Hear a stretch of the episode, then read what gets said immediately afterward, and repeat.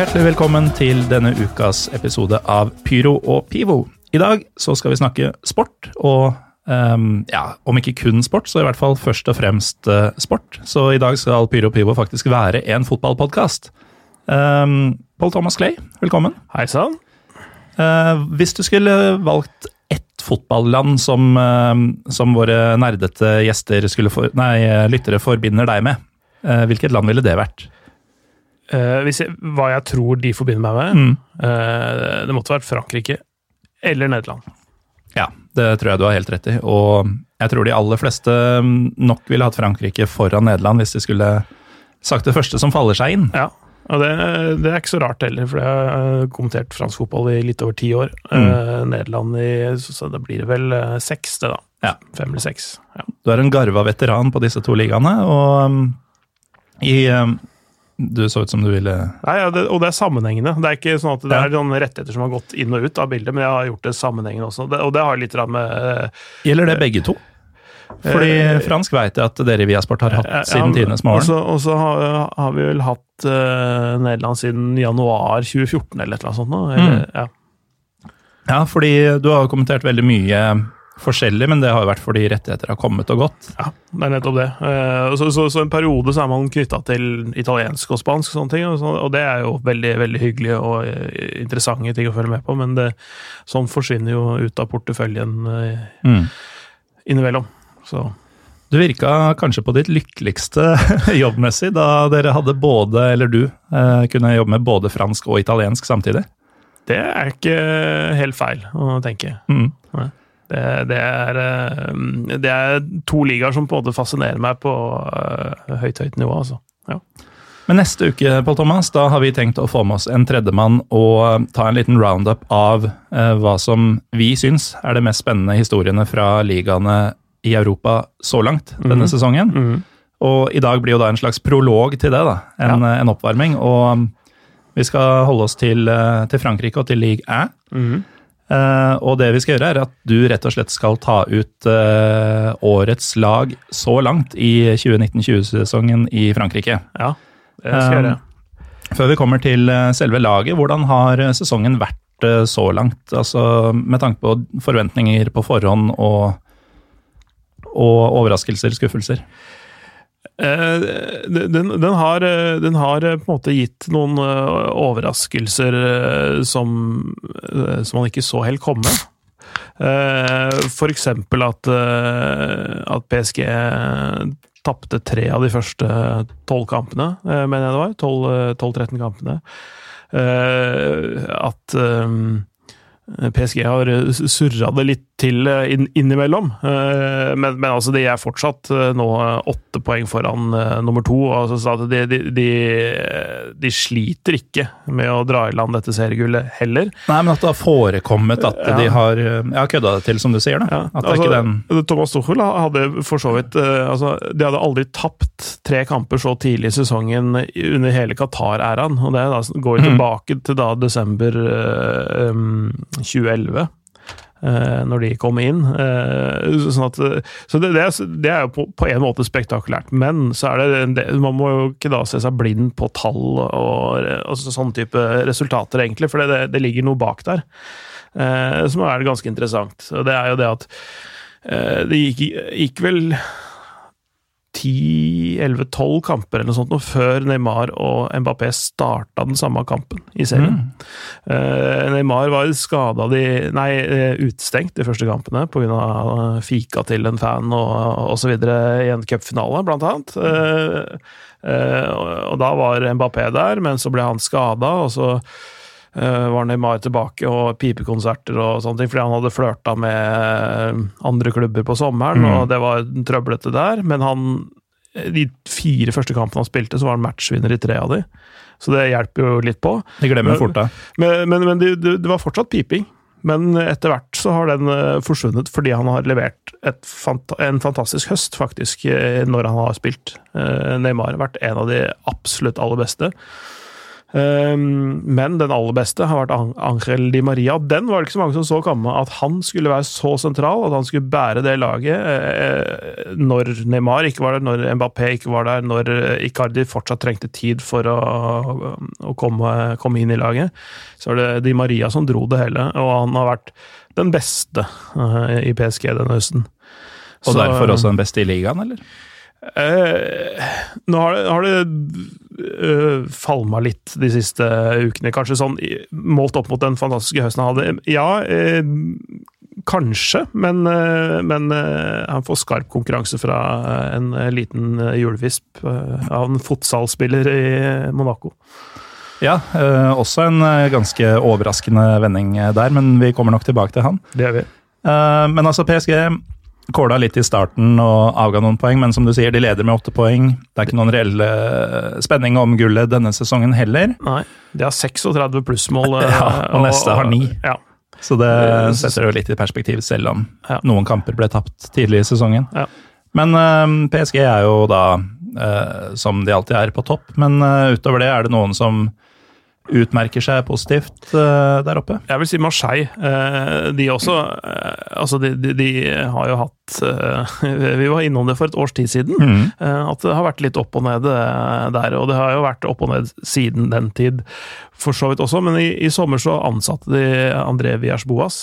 Overraskende at de fikk et så sterkt og stort navn, faktisk. Men det var på en måte en god match med tanke på at eh, Vias Boas måtte nok eh, gjenreise på en måte, hva skal vi si eh, um, sitt renommé i Europa, uh, etter å ha vært en svingom uh, litt lenger øst. Mm. Uh, det gikk jo ikke tipp topp, kanskje, i Chelsea og Tottenham og Zenit og, og, og sånn, så, så han måtte liksom bygge seg litt opp.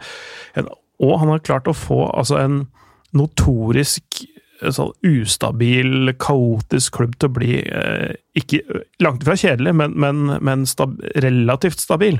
Eh, Det tok litt tid før det kom i gang, men eh, etter hvert så har maskinen begynt å tikke og gå, og det virker Mm. som han har liksom fått mye ut av eh, spillere som ble pepet ut av egne fans i fjor. Eh, Jordan Amavi, Mandanda hadde en, en dårlig sesong, eh, men nå er han ja, kanskje inn på laget mitt også, eh, for høsten. Så, så, så det er eh, Fått mye ut av det. Fått eh, Rongier til å funke igjen, eh, eller funke etter hvert, etter den eh, litt seine overgangen fra Nant. og, og Um, ja, det, i det hele tatt fått, fått uh, Marseille til å ligne et stabilt topplag. Det er jo en del um, skal vi si, Englands flopper på dette laget. Ja. Um, og en Englandssuksess også, men uh, det er jo godt gjort også å revitalisere en del av disse gutta, som Mandanda, som du sier. Mm. Um, Tove har jo vært uh, fantastisk tidligere sesonger. Um, Ja, han har vært mye skada i høst, og er Mm. fortsatt skada. Det kan hende at han uh, ikke er så langt unna nå. Jeg er ikke he har ikke helt oversikt over skadebildet hans, Mm. men han, uh, han har vært bra. Dimitri Payet har vært bra. Uh, kanskje Marseilles beste, Mm. viktigste.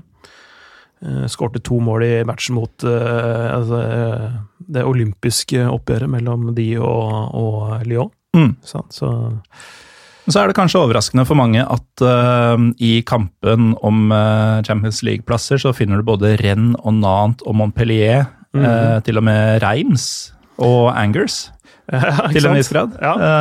Hva, hva skjer med de gamle traverne Lyon, Monaco Det, der, der har du, eh, Monaco har vært gjennom eh, Det, det er en, nesten en lang historie i seg sjøl, det, det, det greiene der. Eh, Lyon har også vært gjennom altså Begge Lyon og Monaco har vært gjennom trenerskifter allerede denne sesongen. mm.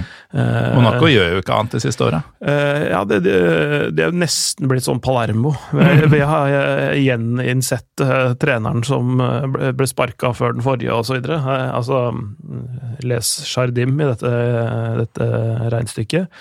Altså, Eh, historien der, Han var jo suksesstrener. Det var han Mm. som fikk fram Mbappé, blant annet. Og Fabinho, Lemar, eh, Martial eh, i, sin tid. Altså, Det er ganske mange Bakayoko, Mendy, CDB Mm. altså, Mye greier, og tok dem langt i Champions League. Ja, mm. Um, så forsvant jo han ut fordi de, de plutselig var ræva. ja det var, gikk, gikk en, en sesong etter gullsesongen hvor, det, Mm. hvor det var, eh, gikk dårlig, og han fikk ikke de spillerne han trengte, og så, videre, og så satte han seg litt på bakbeinet og var litt sånn uh, trompete høsten 2018. Mm. Og da fikk han fyken. Ja. Og så har han da kommet tilbake, 100 dager etter eh, at han fikk eh, sparken, ja. og i den perioden eh, da han var tilbake i spill nummer to, Mm. Så henta altså Leon, Leonardo Jardim Mm. en keeper som het Leo Jardim. Som ikke det er noe slektskap med. Nei. Det syns jeg er helt nydelig. Han, han, han er vel i, eh, i uh, Lyon nå, så vidt jeg veit. Leo Jardim. Men, mm. men uh, ja, det er litt morsomt. Henta inn uh, mye rart, nesten for å signalisere eh, liksom litt hva eh, du får når du ikke satser. Litt sånn eh, Ok, jeg får ikke det jeg vil ha, men da skal du se hva du får når du gir meg så stramme budsjetter, for å si det sånn. da.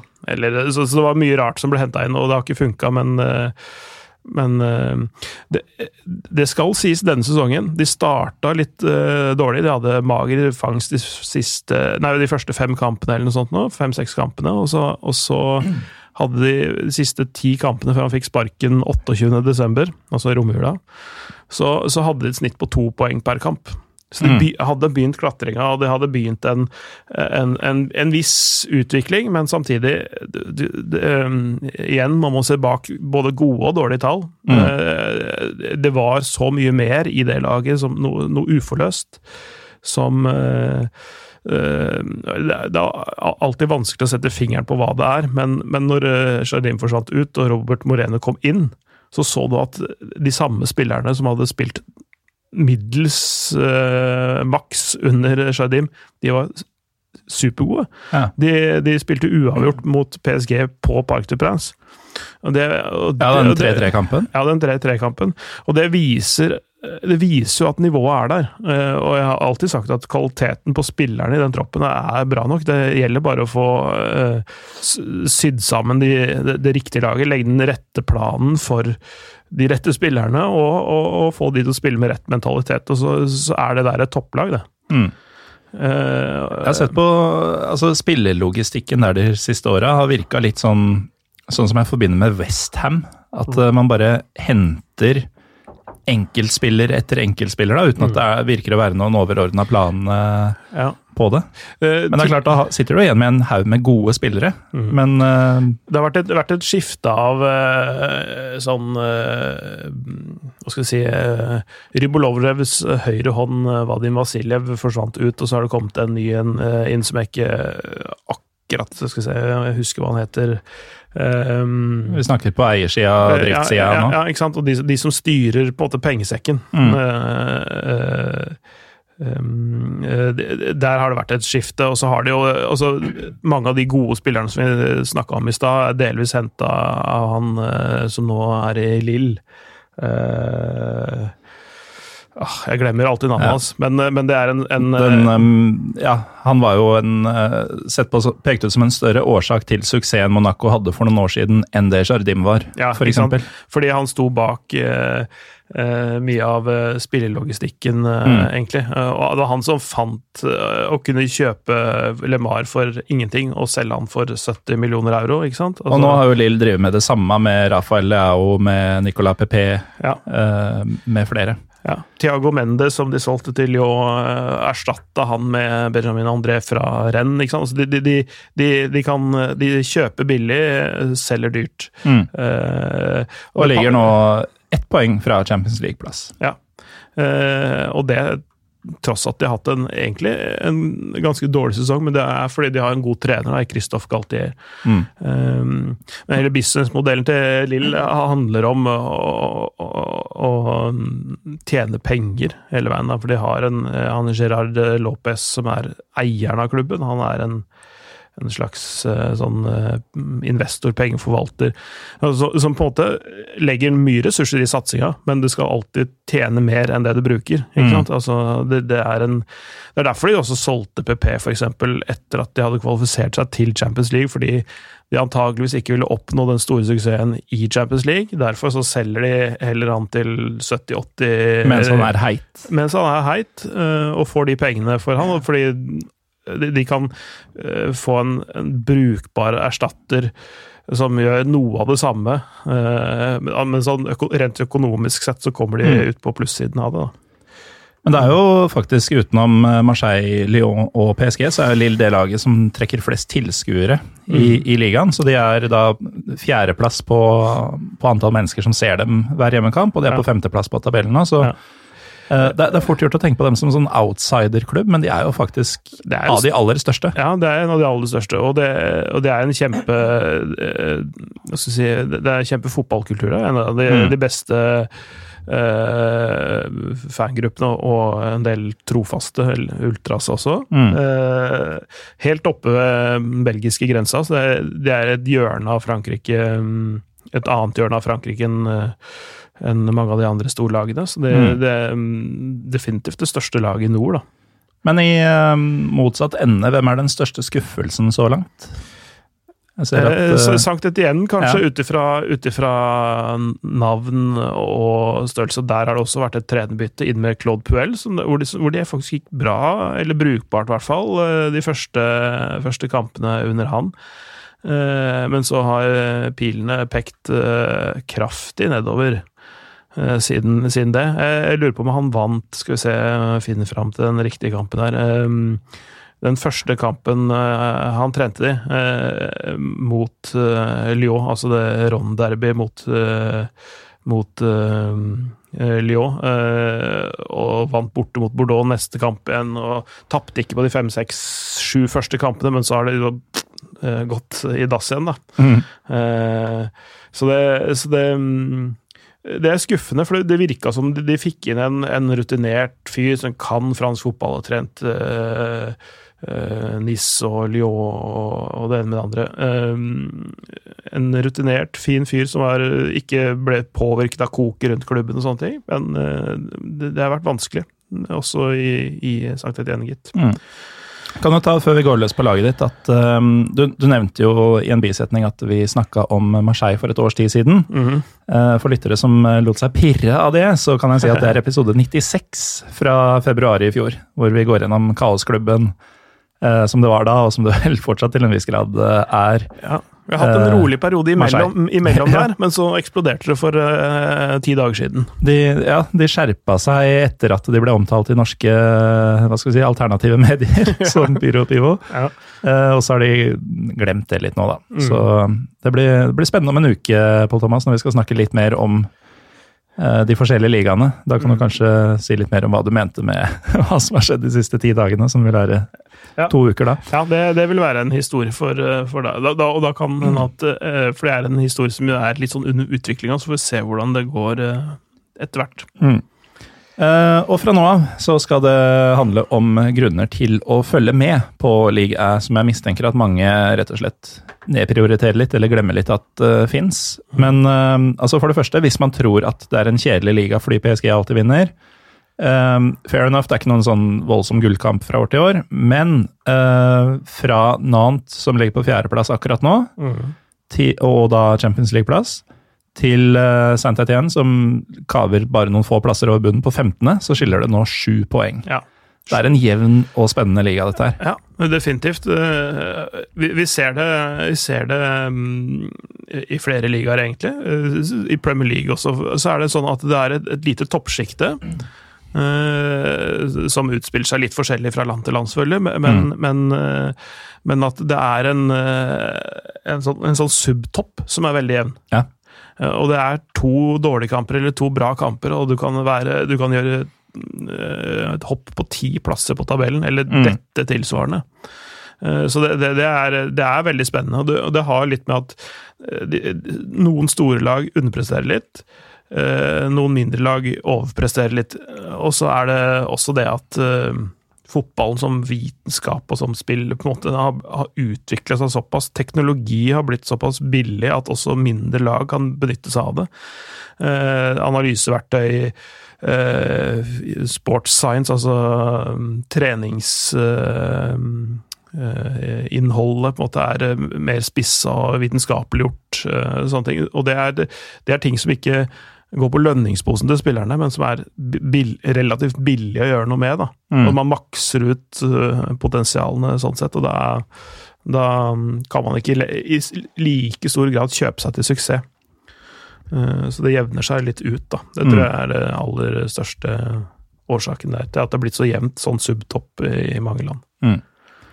Så, um, herr Ligg er ekspert. Hvem har vært ligaens beste keeper så langt? Det er, jeg har sett litt på det. Det er lett å bli farga av de prestasjonene man har sett de siste serierundene, og mm. av de store lagene. Så, så, man glemmer litt han, uh, spillere som presterer jevnt, og, og, som gjerne gjør det for et, enten et dårlig lag eller et sånn mid-table-lag. Mm. Så, så, jeg har egentlig tre stykker der Mandanda er nevnt som fordi han har vært viktig i, i uh, den Så han er helt i toppen uh, i fransk sammenheng, nå? I denne sesongen så er han det. Mm. det er også, gøy å høre. Jeg ja, liker han. Ja, han, er, han har blitt 34 og sånn. Han, han, det var vel åtte nesten ni sesonger på rad hvor han spilte alle kampene til Marseille i, i, i serien. Mm. Og Så var det dette famøse året i Crystal Palace, og så var han tilbake, og så har det gått litt opp og ned, men denne sesongen har vært jevn og god. Og, eh, så, så, så, han er en av de.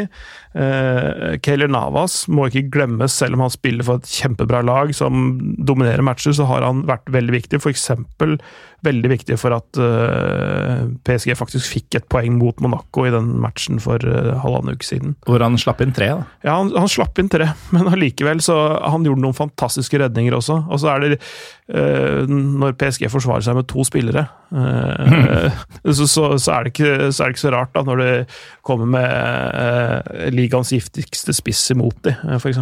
Men, men det er jo faktisk et godt poeng, fordi mange avfeier um, spesielt keepere, men i det hele tatt defensive spillere mm. uh, hos de gode lagene, mm. eller hos topplagene, fordi uh, man tenker at de dominerer og får ikke sjanser mot seg, men mm. det er jo akkurat som du sier, at eh, de har jo også vesentlig mindre å forsvare seg med når de først mister ballen høyt i banen. Ja, eh, det er et poeng, og så er det ofte det at de beste defensive spillerne eh, de gjør en jobb som du ikke ser, i hvert fall på TV. da. Mm. Eh, de gjør ofte De plasserer seg riktig på, på, måte, på en måte som gjør at motstanderlaget ikke får spilt ballen dit de vil. Og Hvis du først får spilt ballen, så, så har de en enkel jobb ved å, å stanse den pasningen eller det angrepet. Altså, det handler om å skjære av uh, pasningsvinkler og dekke pasningskanaler. Mm. Det er bare å ta et, et, steg til siden som gjør at på en måte, din mann ikke får den ballen. Det, ja. det, og det er sånn de beste spillerne har gjort jobben på forhånd. og det Maldini kjente sitatet han sa det at uh, hvis han gjør en takling, så har han allerede gjort en feil. Mm. Ikke sant? Og ja, for Han skal ikke måtte gjøre en takling hvis han står riktig. Har han, har han, gjort jobben sin på forkant, eh, i forkant, uh, hatt, gjort liksom det forebyggende arbeidet riktig, så kommer aldri ballen dit. Da trenger han aldri å ta den taklinga. Uh, og det, er, det ligger en god del sannhet i det, da.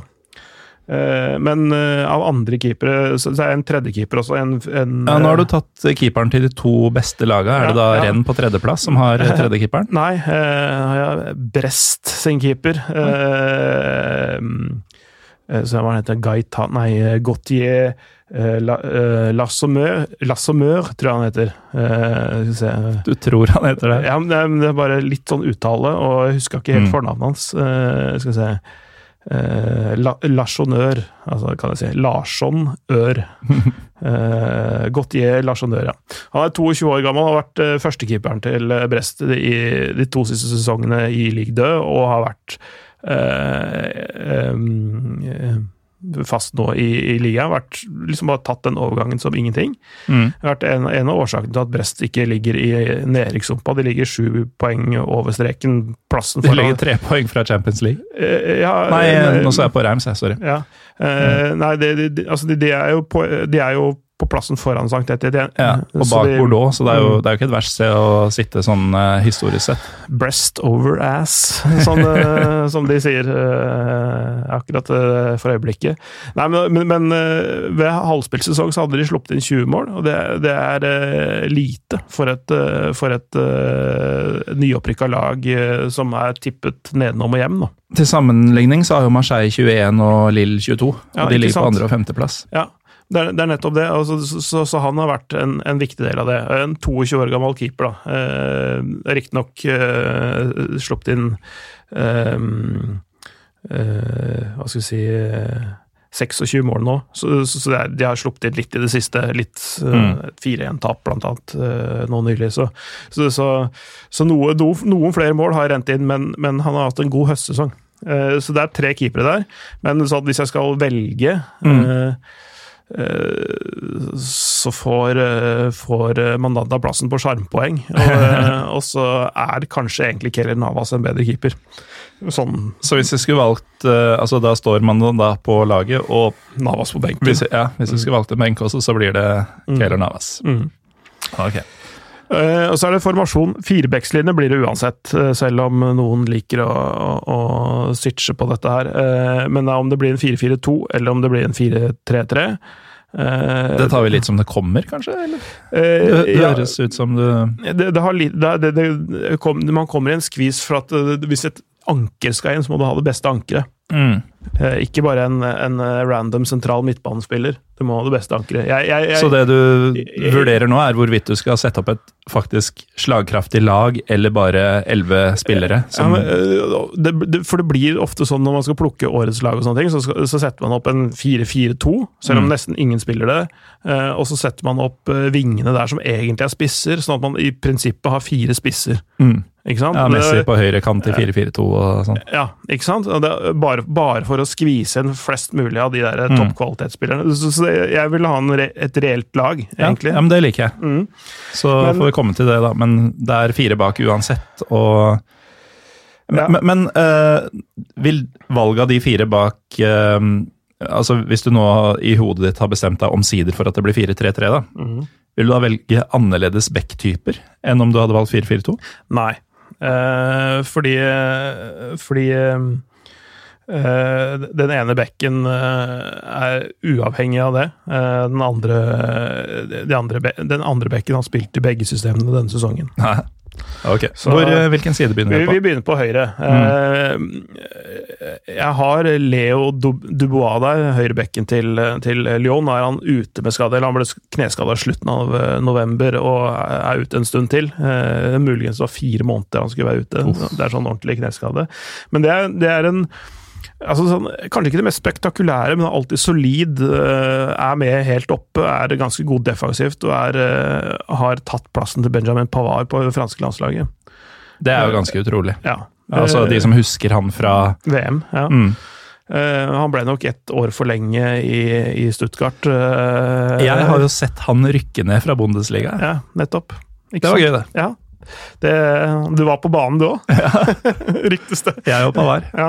Eh, nei, men, altså, men, men, han dro nok ett år for seint til Bayern München, tror jeg. Eh, mm. Sånn sett for Pavars egen del, men derfor har Dubois der. Jeg ville Så har han jo spilt mye stopper i Stuttgart uh, siste året, i hvert fall. Ja, det eh, stemmer. Mm. Han har jo det, altså, hatt litt uh, Har vel vært innom der i Bayern også, faktisk, fordi de har hatt litt ja. problemer med å erstatte Syle. Et, et alternativ på høyrebekken, men som er et veldig, veldig offensivt uh, alternativ, og ikke så godt defensivt alternativ, er Josef Atal fra, fra mm. Nis, som nesten er som en ving å regne, men den uh, kunne vært i en, en 3-5-2, en, en fantastisk wingback. Mm. veldig, veldig god. Men, men, Dubois får, får, plassen fordi han er riktig høyre bekken. Det blir Dubois. Ja. Ok. Høyre midtstopper. Tiago Silva. Og det hadde mm. jeg ikke trodd uh, i fjor og året før, og kanskje året før der igjen, fordi han har hatt uh, noen ganske miserable sesonger, egentlig. Har sett gammel ut, sett ut som han har liksom vært ferdig, men han, i denne, denne, sesongen har vært veldig god. Uh, gjort få feil og vært i forkant i mye større grad enn det han har vært tidligere, så han har liksom vært litt tilbake til sitt gamle jeg, egentlig. Mm. Så, så, han har vært viktig eh, for PSG også. Har du noe syn på hvorfor han har tatt det steget i såpass voksen alder? Altså, er det noe Tuchel har gjort? Er det noe med medspillerne? Er det noe med systemet som har endra seg?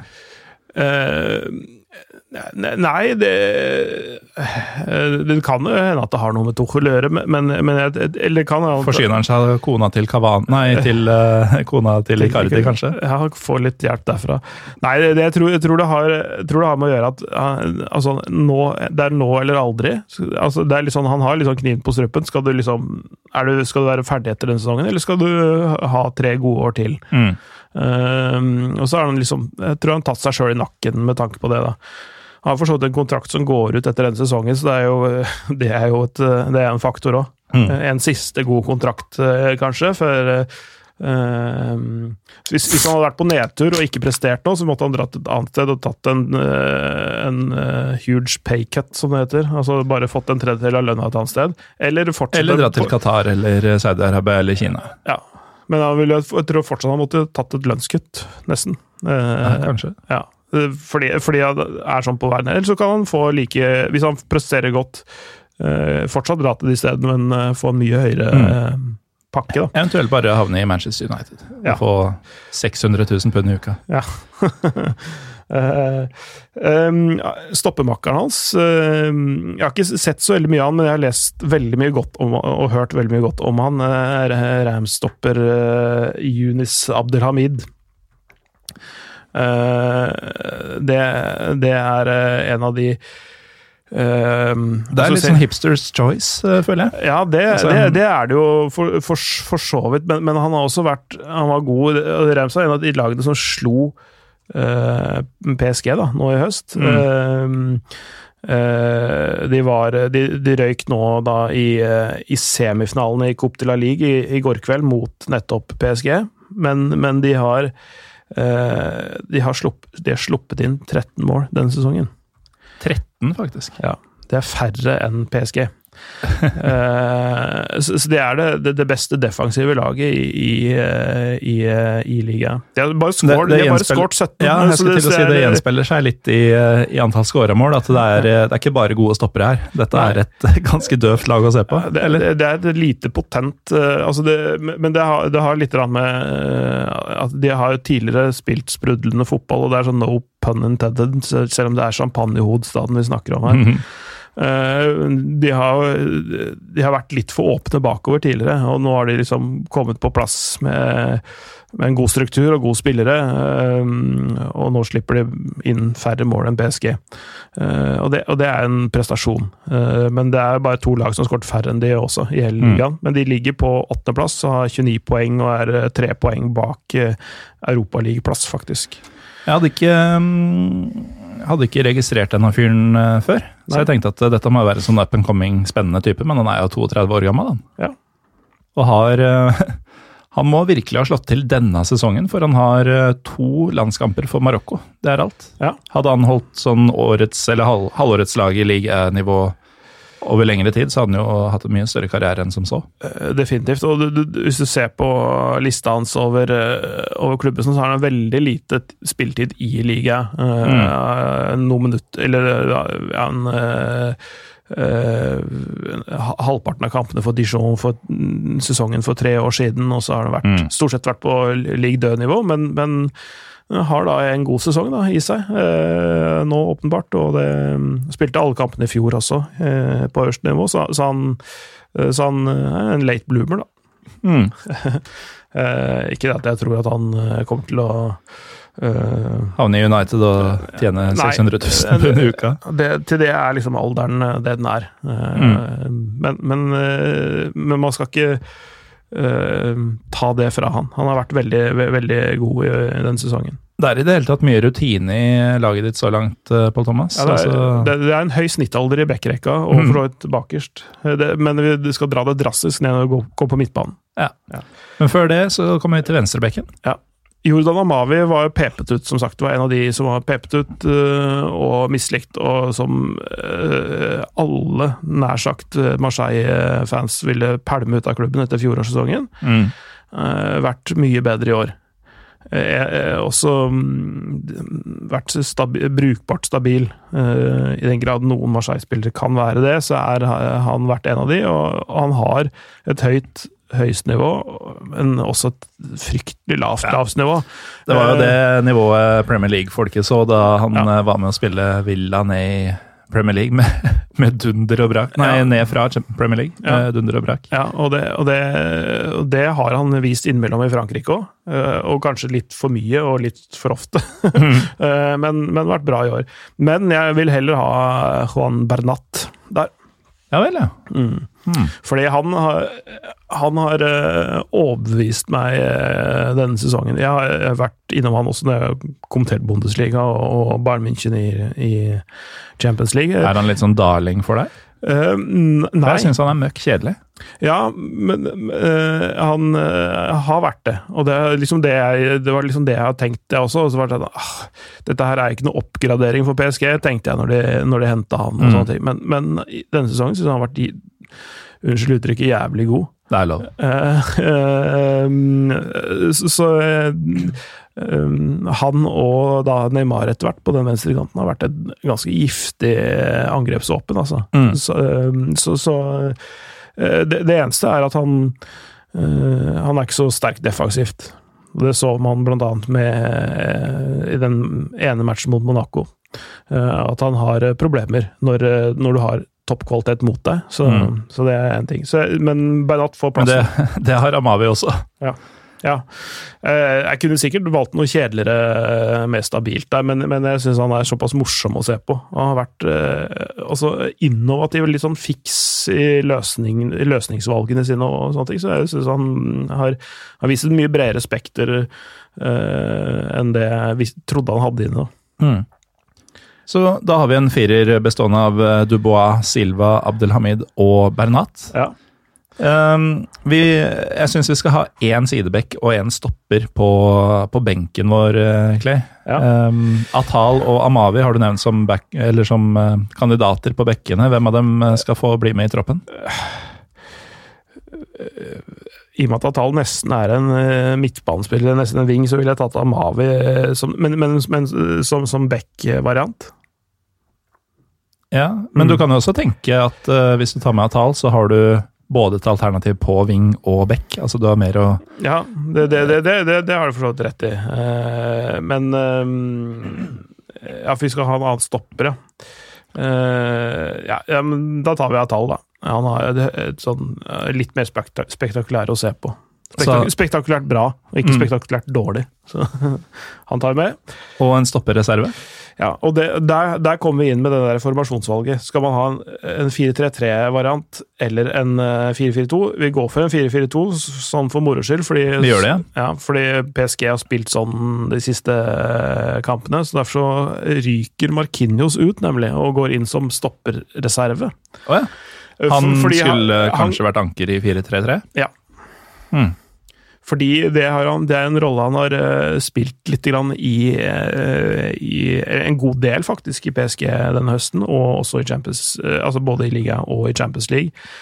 Eh, fordi det er avhengig av om de bruker Kim Pembe på stoppeplass, eller Tilo Mm. Som de faktisk også har brukt, og så har de skjøt Markinius opp, og han har vært veldig god i den ankerrollen. Ja. Eh, Men det, beste stoppeparet for PSG er Markinios og Thiago Silva. Ja. Men eh, så må du gjøre noen trade-offs hvis du skal ha en treer på midten. Og da er Markinios det beste ankeret, syns jeg. Alright. Men han er på benken her, da. Og så kantene. Ja, og da begynner vi på høyre, som vi gjorde med bekkene. Ja. Di Maria. Angel, Angel Di Maria på høyrekanten. Ja, det er vel nesten umulig å unngå, Ja. uh, ut fra det du, den lovsangen du Ja, hadde ja. til han tidligere. Men det, det, det, tror jeg det er Du finner den på ti av ti eh, lag Mm. eh, så langt denne sesongen her. Inkludert av whoscored.com sitt, som baserer sitt bare på tall. Ja. Ehm, jeg, jeg, jeg skuler veldig lite til, eh, til det. Altså, selvfølgelig, de må jo produsere. Sånn faktisk må produsere, men, men eh, det går litt på følelser og inntrykk og, og sånne ting òg. Jeg liker energien hans veldig godt. Og har hatt, også hatt en oppblomstring, syns jeg. Sånn Vokst litt på det ansvaret han har fått. Så, Ja. det, så det er fint. Ehm, Kan være noe i det. Ha, har, eh, altså, han, har jo, han er jo assist-kongen i, i ligaen og har i- ifølge deg båret PSG i perioder. mm. Um, så det er kanskje et dumt spørsmål, men er det noen konkurrenter, noen utfordrere, på Nei. høyrekanten? Nei, det, det er det, den eneste posisjonen vi ikke har satt opp alternativer. Nei. Mm. Sier litt om hvor mye han har herja. Mm.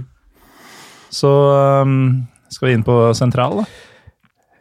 Hvis vi ikke skal bare hoppe på venstreskanten, så tar vi det sentrale etterpå. Ja, Ja, ok. For det er ganske klart der. Jeg eh, hadde, har jo på en måte litt lyst til å ha Dimitri Paet der. Mm. Men jeg er nødt til å si Neymar, faktisk. Ja. Eh, fordi han har vært eh, såpass bra etter at han, etter at han kom inn. Som sagt, avgjørende i tre av de første fire kampene han spilte denne sesongen, hvor han var hvor han skårte kampens eneste mål og ble matchvinner, og, og sånn, og dels på spektakulært vis. Det var sånn brassespark inn i miksen der og, og sånn. Uh, har uh, har skåret elleve mål på tolv kamper eh, totalt sett. eh, eh, nei, er, og er nå også i veldig, veldig god form. Så, så jeg, må, jeg må ta han. Ja, men det, det er lov, det. Ja. Eh, jeg bare håper at det, at det kommer noen som ikke spiller for PSG også på midtbanen der. Ja, jeg, jeg, har, eh, jeg har satt opp uh, Verratti og Idrissa Gay, eller Ghana Gay, eller hva, hvordan man uh, velger å si det. Det står Ghana på trøya hans, men jeg sier Idrissa Gay, for det sier alle de engelske kommentatorene. Ja. Og man sa aldri Aliu om Carew Karev heller, selv om han sto på drakta hans når han spilte i Valencia. Nei, men uh, det, Dette irriterer meg litt med en god del afrikanske spillere. At mm. de virker å bytte litt på gjennom karrieren. Hva Mhm. skal jeg bruke? Hva er etternavnet mitt? Eh, John Obi Miquel var jo John Obi Miquel hele karrieren, før han plutselig var John Miquel Obi. Ja. Um, Mikkel John Obi. Uh, ja. ja. Idris Agueye var Idr- Idris Agueye og bare det. Ja. Og så kommer han til uh, Var det Aston Villa? Ja. Hvor han plutselig hadde Ghana på drakta. Ja. Og så var det da Idrissa Ghana Agueye. Mm. Uh, hvor da, sånn jeg leser navn, da, Mm. og sånn enhver passkontrollør leser et navn, så er. GJ etternavnet ditt. Ja. Eh, så kan du godt bruke, bruke Ghana som hva skal vi si, kunstnernavnet, men du heter faktisk Idrissa Ghana GE i så fall. Mm. Ja. GJ er etternavnet, og, ja, Derfor bruker jeg det også. ja, og Gjennomgående. med den tidligere Lynspilleren Chinedu Du Obasi Ogbuke, Mm. så ble det jo plutselig sånn greie at man skulle kalle den Edu, Ja. og så spilte den med Obasi på drakta. Ja. Jeg har eh, konsekvent i 15 år nå kalt den Ogbuke. Ja. Det er Og fint. Derfor er jeg helt med på at den heter Idrissa GE. Ja. Eh, Men, men, men, men, de, de to da, har jeg satt opp som alternativer, men jeg tror jeg velger noen andre. Yes! Å, Vi kan, liker jeg. vi kan eh, enten ta um, Somaré fra Lill, Oh, ja. Eh, som er eh, ønsket eh, i England, for eksempel. Eh, for relativt store summer også, skal vi se. Mm. Jeg, har ikke transfermarkt oppe her, så jeg får ikke sett hvor mye han er verdsatt til nå, men, men, men han er bare 20 år gammel og har vært en av de virkelig gode på midten for, for Lill. Bobakari Somaré, var det det du sa? Ja. Mm. Mm. Eh, så det er enten han eller eh, lagkompisen hans, eh, Benjamin André, som ble henta fra Rennes, cupmester i, i fjor. Ja, han som man håpa ikke skulle svekke laget nevneverdig etter at man solgte Mendes. Ja. Men er et steinhardt arbeidsjern. Kan være i overkant brutal noen ganger. Så er det sånn Skal jeg velge 20-åringen eller skal jeg velge 29-åringen eh, i dette laget her? Eh, Men eh, sånn for aldersbalansen Bobakari Somare Ja, og han hørtes mye fetere ut også, Mm. hvis han er det rivjernet som Benjamin André er jo en franskmann. Han har jo eh, jeg vet ikke, Han har kanskje én eller to landskamper, men, men eh, altså ja, han har framtida bak seg, nesten. Er det er det det det heter? Altså han, ja, han begynner i hvert fall å nærme seg oppløpssiden i eh, fotballkarrieren, da, Mm. for å si sånn. Eh, Somaré har da ni ekstra år å gjøre det på. Ja. Um, og så eh, tenker jeg at ja, 20 år, da trekker vi liksom alderssnittet ned. Nå skal vi enda lenger ned. Vi skal, oh, jeg tror vi skal til Bretagne-regionene. ja, vi skal uh, til en som har uh, Roanson Park som sin hjemmebane. Gamle Stade de la Route de Lorient, som eh, da ligger i Rennes. Mm. Eh, Eduardo Camavinga. Ja, han starta jo med brask og bram ved å vel være arkitekten bak seier mot PSG i var det seriestarten. Mm. 16 år gammel da. Mhm. Fortsatt 16, eller har han fylt 17? Ja, fylt 17. Fylt Men han 17. er altså ekte vare, hvis vi sitter Det er- her i januar, seint i januar. Og Det er, det er nettopp det. Eh, Han, han er ekte vare. Han er en sånn um, Altså eh, en, en Hva skal vi si ikke av de mest offensive midtbanerollene. Egentlig en sånn nesten Mm. regista-rolle, nesten. Eh, Ja, han ligger eller- dypt. Ja, ligger dype. Han er ikke den mest offensive midtbanespilleren. Det er ofte en posisjon som krever litt erfaring, oversikt, smartness, rolig eh, sinn, ikke sant? Altså Mm. alle de tingene der. Eh, Men han, han opptrer så uforskamma rutinert, eh, og så er han altså bare 17 år. Og 16 år, når han da spilte mot en toppa midtbane for, Ja. for PSG, med Verratti og, og co. da. Mm. Eh, så, så, han, eh, så han, han har spilt da 19 av de 20 kampene som eh, har vært til nå. Mm. Uh, Starta 18 av de også, så han har, det er ikke innhopp det er snakk om her. Han har, uh, han har spilt mye. Um, de prøver å matche han forsiktig, men det, det, er, ikke så lett, Det- det er, er ikke så lett å holde han igjen eh, heller, og, og, og laget blir dårligere når han går ut. Mm. Så, eh, han preger allerede laget. Liksom, han har blitt en leder i laget i, den, i en alder av 17, eh, og det, det er veldig, veldig sterkt. Um, som sagt, opptrer med modenhet som er helt sjelden på, Mm. på, på det nivået der. Hvor, eh, hvor stor eh, del av æren skal han ha for at renn ligger på medaljeplass? Ja, han skal ha Han, skal, han er hvis, jeg hadde vært trener og skulle vært kjedelig å svare, så han, han har bare én av elleve spillere. Eh, men, men, men eh, definitivt eh, Definitivt en meget viktig spiller. Altså, en forskjell på at de ligger på tredje og kanskje åttende-niendeplass. Mm. Eh, Det kunne de fort ha gjort uten han. Eh, Selv om, har, ja, altså, selv om du har eh, mye andre bra spillere der òg, for så vidt, så er det liksom Det er et eller annet Det er en X-faktor ved han, da. Som, som, eh, som er meget imponerende. Så da har vi fireren vår. mm. Uh, Di Maria, Sumaré, Kamavinga, Neymar. Jeg liker um, ungdommeligheten sentralt, altså. Det, Mm. og den trengte vi også i all PSG-dominansen. Ja. Men det, er, eh, det er sånn at de to sentrale midtbanespillerne er omtrent eh, like gamle som keeperen. Til sammen. ja, Altså det er 34 mot 6-37. hjertet i laget er like gammelt som uh, bakenden i laget. Ja. Um, men uh, vi, vi trenger noen reserver også her. Du sa det ikke var noen konkurrenter til Di Maria. Men uh, jeg, jeg syns jo at skal, skal vi Payet til Neymar, uh, Benjamin André på sentralt, uh, Verratti og Idrissa Gay. Eh, Mm. Så, Så Dimitri Payet eh, blir wing-reserven, og så skal vi ha én sentral? ja, eller? Ja, da, og da Altså så fordi han har et litt bredere spekter og litt mindre endimensjonal, så ville jeg tatt Verratti med. Ok. For Gay er litt mer sånn eh, løpe, løpemann. Mm. litt sånn den nyere tids Matuidi, holdt jeg på å si. Selv om han sjøl ikke er veldig ung, eh, så er han eh, på en måte litt den, den typen. Mm. Um, og, ja, og Benjamin André er litt for hard i klypa noen ganger til å være ja, kanskje sånn litt busemann. Litt enda litt mer enn det Verratti er, faktisk. Og vi skal ikke ha busemenn på et lag bestående av bl.a. Thiago Silva og Neymar. Nei. Da er jeg spent på angrepet. Og vi nevnte en tidligere futsal-spiller i stad, Ja. eh, som jeg tipper kommer til å nevnes igjen nå. Ved Ja. navn denne gangen. Ja. Eh, har vært på, for så vidt på stigende kurs uh, i mange år. Som tatt sånn små steg, blitt sånn mer og mer inn i folks bevissthet gjennom Toulouse, og så Sevilla, og nå Monaco. Mm. Wissam Ben Yedder. Jepp. Eh, En av de de klaska godt med spennet i bordet for å få. Brukte vel 40 millioner euro, tror jeg, på den, faktisk. Eh, og det, det er voksent, det, for, for Monaco.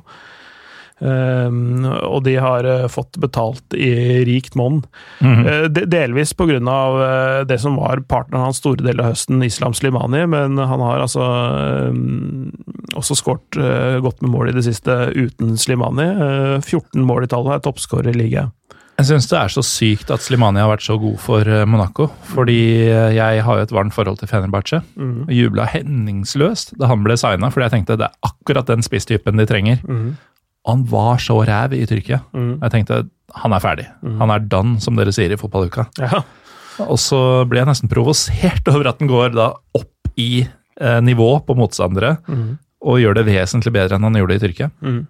Ja, det, det, det, er jo Det kan jo være mange grunner til at man uh, på en måte ikke får det til å funke. Det kan være lag i klubben, det kan være omstendighetene, det kan være noe på personlige fronten. Så man veit jo aldri Eh, sikkerhet, i hvert fall eh, hvordan, hvorfor sånne spillere underpresterer noen steder, og, og så til de grader funker bra andre mhm. steder. Og så mannen bak utligningsmålet mot eh, 3-3-målet altså mot eh, PSG ja. i Paris. Mm. Um, så, så, så, han, eh, så, han, kan skåre målet, og Slimani, men, men, men hvis han Beneder er den, den, personen vi skal ha med fra ja. Monaco derfra Han er toppskårer i Bundesliga, holdt jeg på å si, i ligaen. Ja. Eh, og har vært veldig veldig god. Skårer mål på mange forskjellige måter òg, så, så, det, er liksom, det, det er ikke bare tap-ins og mm. sånt. Han gjør mye sjøl. Og, og tenk på at et lag som har slitt såpass og vært såpass ujevne som det Monaco har vært gjennom eh, høsten, vært eh, det, det, det, gjør jo prestasjonen hans enda større, mm. ikke sant? Ja, og, og, sånn husker vi jo han fra Toulouse også. Mm. Han er en allsidig målskårer. Mm. Eh, og det husker sikkert United-fans også, fra da Sevilla demonterte dem i Eller da Beneder på vegne av Sevilla ja. demonterte dem i Europa for et par år siden.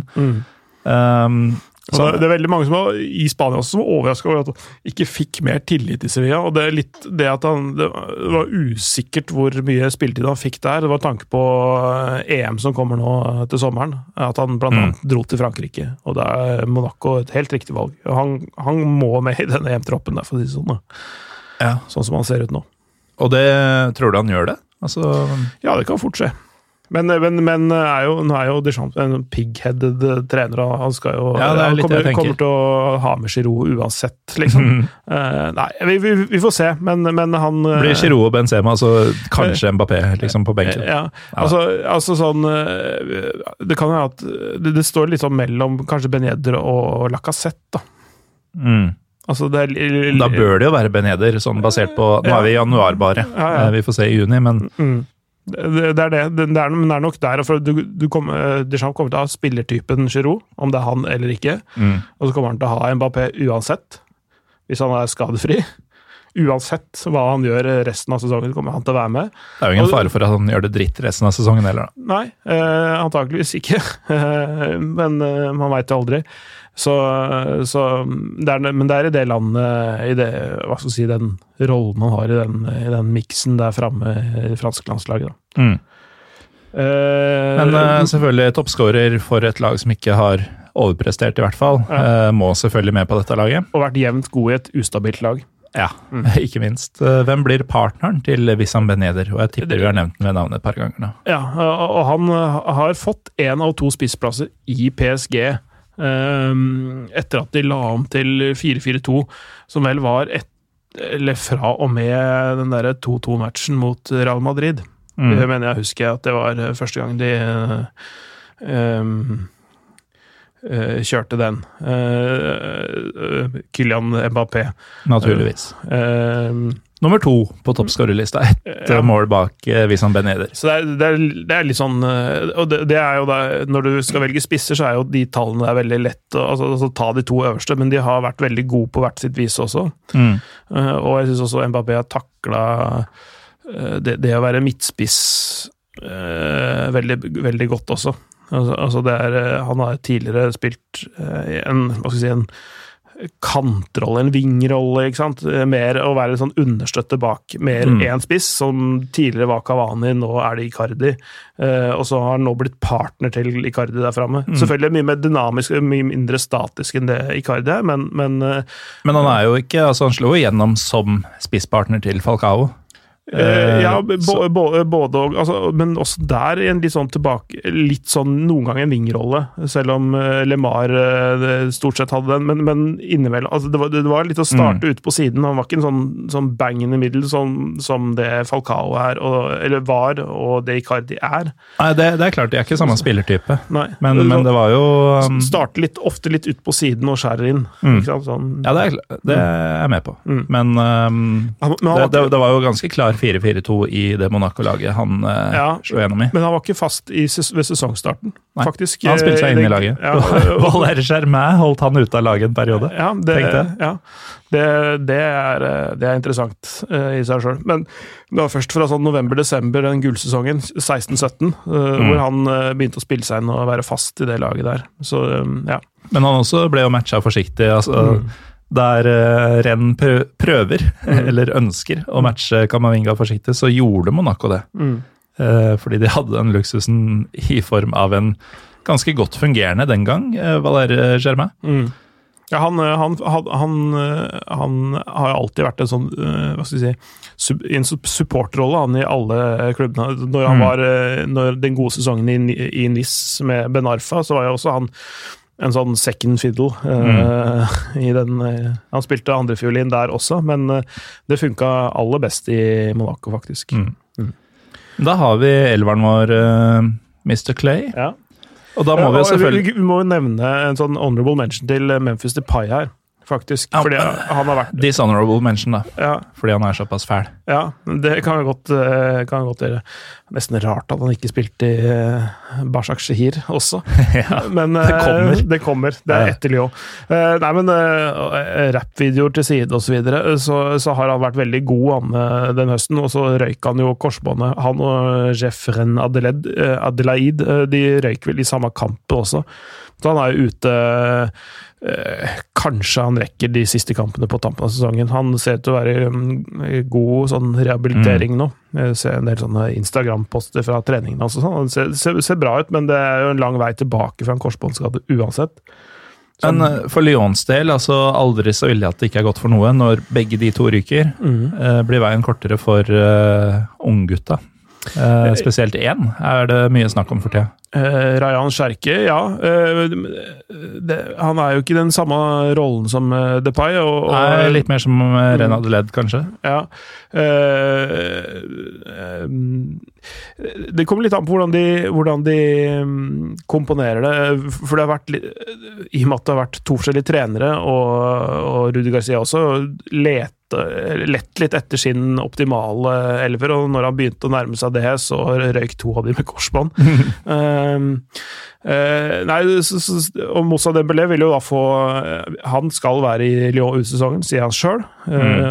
presidenten sier det, og treneren vil ha han. Uh, så, så, så han kommer til å være spydspissende. De kommer nok til å spille 4-2-3-1 eller 4-3-3 resten av sesongen også. Mm. Um, eh, men de har kjøpt Carl Toko Ekambi fra Villarreal, mener, jeg det er. Eh, Stemmer. og så har de kjøpt en ung spiss fra Le Havre, men han har leid ut tilbake igjen resten av sesongen. Eh, og så er det muligens Han kosta en del, han.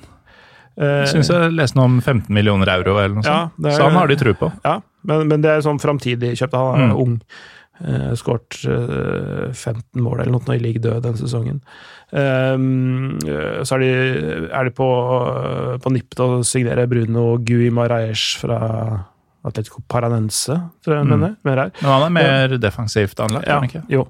Eh, men Rayan Cherky, som er, litt mer sånn Ben Arfa-type, sånn, en sånn tierrolle, eller sånn, som kan drifte ut begge sider, kan være litt sånn innoverkant eller en tier. Eh, eh, han er jo den folk snakker om. Han er 16. Han er ganske Jeg lurer på om det er oktober han er født, det.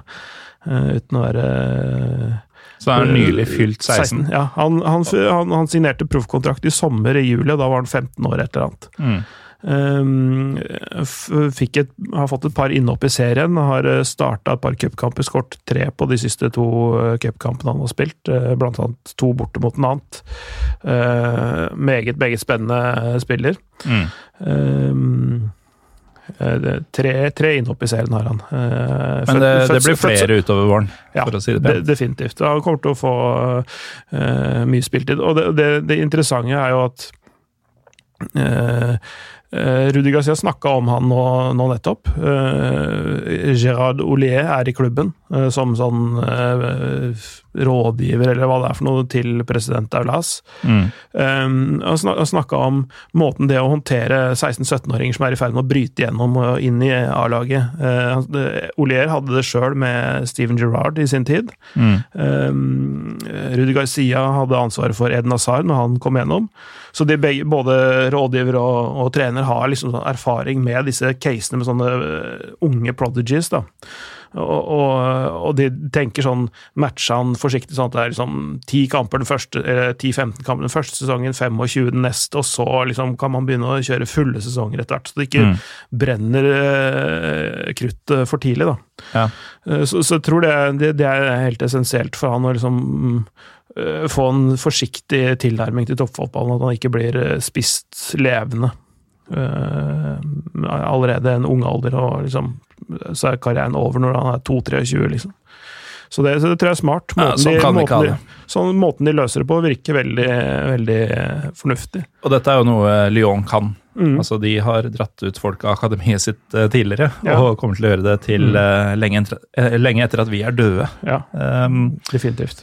Men vi trenger en spissreserve, Pål Thomas. Ja, det, der, um, der, er jeg faktisk litt mer usikker. Altså sånn det er mange ganske jevne kandidater, virker det ja. som.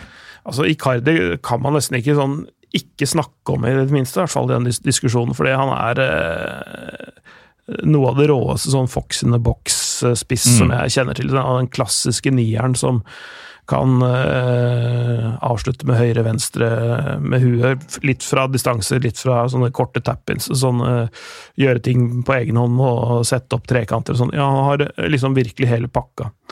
Uh, men eh, eh, det er ikke det mest sexy valget, da, syns jeg. Nei, det er jo ikke det. Også, du, du har jo for eksempel fra båndlaget Metz. Altså ikke, mm. De ligger ikke helt i bånn, men de er langt ned på tabellen. Uh, Habib Diallo har jo ja. flere skåringer mm. enn uh, en, uh, Icardi. Ja. I snakkende stund, i hvert fall. Ja. og det har andre også. Men, ja. Moussa Dembélé eksempel har elleve Victor Oshimen har, har, jo ti skåringer. Alle, alle, alle, på hjemmebane. Alle? Det, da, da, er han jo egentlig ute av troppen bare på det. Ja, så, så, så, er det sånn Og så er det sånn eh, Dario Benedetto har gjort det uh, bruk, uh, brukbart til dels veldig bra i Marseille, men han har bare sju skåringer. Mm. Uh, Dennis Boanga har vært et lyspunkt i et ellers ganske bekmørkt Sankt Etienne. Men så, så, hvis vi um, Altså statistikk kan jo brukes til så mangt. og mm. Icardi har jo vesentlig mindre spilletid enn nevnte Diallo og mm. Uh, men skal vi ta det med i betraktning, så har jo Islam Slimani mm. uh, både fryktelig mange assists og like mange skåringer som uh, Benedetto, eksempel, som hun nevnte. Mm. mm. på under 1000 minutter. Så det, er, det er en fyr som burde nevnes, i hvert fall. Ja, eh, jeg, og i og med at man trenger eh, gjerne, sånn mot slutten av kampen, når man gjerne bytter inn spissreserven, så trenger man litt luftstyrke og litt sånn uh, rå, og brutal fysikk. Så ville jeg heller hatt Islam Slimani enn Moussa Dembélé. Sett slikt. Blir det? Ak akkurat nå. Blir han tredjemann, da? Ja, jeg, jeg, tenker at det rett og slett ikke er så dumt å ha han som sånn, et alternativ på topp, da. Det er helt sykt å høre det etter uh, hvordan han var i Tyrkia. Ja. Men, men, men, men altså, det, det, kunne vært mange andre. Selvfølgelig, eh, som spiller så er det mye mer interessant å se på Icardi enn å se på Slimani. Sånn, sånn Er du gal? Uh, men, men han har jo en del fratrekk. Litt, noen del minuspoeng i poengberegninga av Icardi, da. Eh, ja, det må sies. Og når vi om en ukes tid sitter med en tredjemann her og skal snakke om uh, denne type ting mm. uh, rundt om i Europa, så hvis det blir den tredjemannen vi tror det blir, mm. så får han ikke noe plusspoeng i panelet, uh, Icardi. Men da har vi en elver, og vi har seks innbyttere. Mm. Hvis vi da Men han trener òg. Ja, det må vi. Eh, men hvis vi skal ta spillerne først, da. Mm. Jeg tenker man, man, må ha en klassisk 18-mannstropp, og vi har mm. seks innbyttere. Mm. Så nå har vi en ganske balansert benk, så du kan få velge ut én spiller, uavhengig av posisjon, som du mener uh, trenger å, å, være en del av denne troppen. Uh, en som du syns det er synd at vi ikke hadde med tidligere fordi du måtte kutte den, kanskje, eller det, det, det er, jeg er litt uh, Fanker det, det, det, er, mange man kunne valgt, vet du. Mm. Uh, Enten man tenker artisteri, eller man tenker ha en, en, en Men husk at vi har, dekka de, vi har dekka de viktigste tingene, mm. så du kan godt ta en bare sånn vill uh, klovn, bare for moro skyld.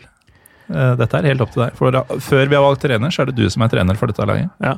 Um, da skal jeg velge en av spillerne til han treneren jeg skal velge. Ja. Men som aldri, ikke ennå i hvert fall, har slått tilstrekkelig gjennom, men som jeg syns er veldig morsom å se på når han fungerer i, sin, i, i sine beste stunder. Eh, eh, Maxim Lopez fra Marseille. Mm. Den er fin. Han syns jeg er veldig artig. Det er liksom, Men Han har ikke, ikke, helt funnet sin plass uh, i, i, det laget. Altså, han starter innimellom Uh, har noen gode kamper, noen dårlige kamper. Uh, man kommer inn fra benken, så er det litt sånn bingo hva man får. Mm. Men, men uh, veldig morsom spiller å se på på sitt beste. Og så er det så kult i et kokende Marseille med en mm. lokal ung fyr. Ja. Så som du føler på litt på tross av en del ting, har blitt en toppspiller. Mm. Ja, fordi han er, altså han, han er, jo ikke høy. han er ikke helt nede på Valbuena-størrelse, men, men Um, Nei, eh, han er jo liten av vekst, og han spiller jo ikke Det er ikke sånn at han er en sånn høy høyrekant. Han spiller jo i en del av banen hvor det er mye fysiske dueller ja, og sånn. Han er en slags sånn indreløper. Uh, uh, som kanskje er best off offensivt, men, men, har voldsom arbeidskapasitet og høy frekvens i fotarbeid og, og, og sånne ting. Mm. Um, Altså, han har 17 av 20 kamper spilt denne sesongen. Han har starta 11 og kommet innpå i 6, så han er, liksom, han er, litt der. Han er liksom ikke Han er på en måte en av de første du setter opp, men ikke den aller første. Mm. Og, og, ofres i en del kampsituasjoner hvor, hvor man anser kampbildet til å være upassende for hans type. da. Mm. Men, det, det, 1,67 høy. Ja, det, det, er et kult valg, for er, han, han, er født i Marseille. Mm. Han er et akademiprodukt. Han signerte vel for akademiet som tolvåring. Mm. Uh, og har jo tatt stegene han, han, fylte 22 bare nå rett før jul. Mm. Så vi har eh, mye i vente fra Maxim eh, Lopez. Jeg, jeg, jeg, håper, jeg, håper, han blir liksom en del eh, av det Et Marseille-lag som gjenvinner sin plass liksom helt i toppen av fransk fotball. For det har vært for mye opp og ned de siste åra til liksom kunne si mm. at de er et jevnt topplag. Og det er det laget som trekker flest tilskuere i hele Frankrike. De, mm. har, de, var det første laget som vant Champions League i det formatet, eller under det navnet. Mm. Eh, det er en massiv, massiv klubb mm. som fortjener et ja, bortimot velfungerende, men i hvert fall et godt fotballag. Ja. Det må gjerne eh, være litt støy og, og ståk rundt dem, men, men, men, gjerne noen titler også. Ja. Jeg, jeg unner, de, unner Marseille alt godt, sånn sett. Og da har du vel avslørt hvem treneren din blir også? Ja, André Vias Boas. Definitivt. Litt med tanke på hva jeg tenkte om han i forkant. Uh, som sagt, med karriereveien han har uh, tatt uh, trenermessig, og liksom renommeet han sto med når han ble ansatt. smart ansettelse, har det vist seg, da. Og veldig tett knytta opp mot sportsdirektøren Andoni Subizarreta. Mm. Vi kan snakke litt mer om det neste uke, når det gjelder Marseille og stridighetene der, innad. Eh, men, men, eh, et smart valg, og han har eh, lagd et stabilt topplag av mer eller mindre de samme spillerne som, som ja, Rudi Garcia sleit med å få mhm. til å funke. Ja. Så, så jeg, jeg, er veldig imponert over den jobben han har gjort. Han virker til å si de rette tingene, og det virker til å være en fyr som er, forstår klubben ganske godt.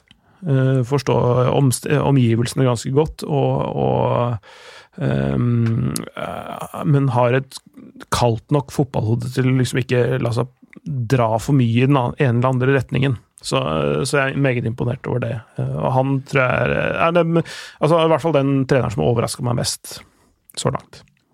Og jeg er meget imponert over din eh, evne til å sette sammen en, eh, en elver og en tropp, og velge riktig trener til eh, denne troppen, Pål Thomas Lee.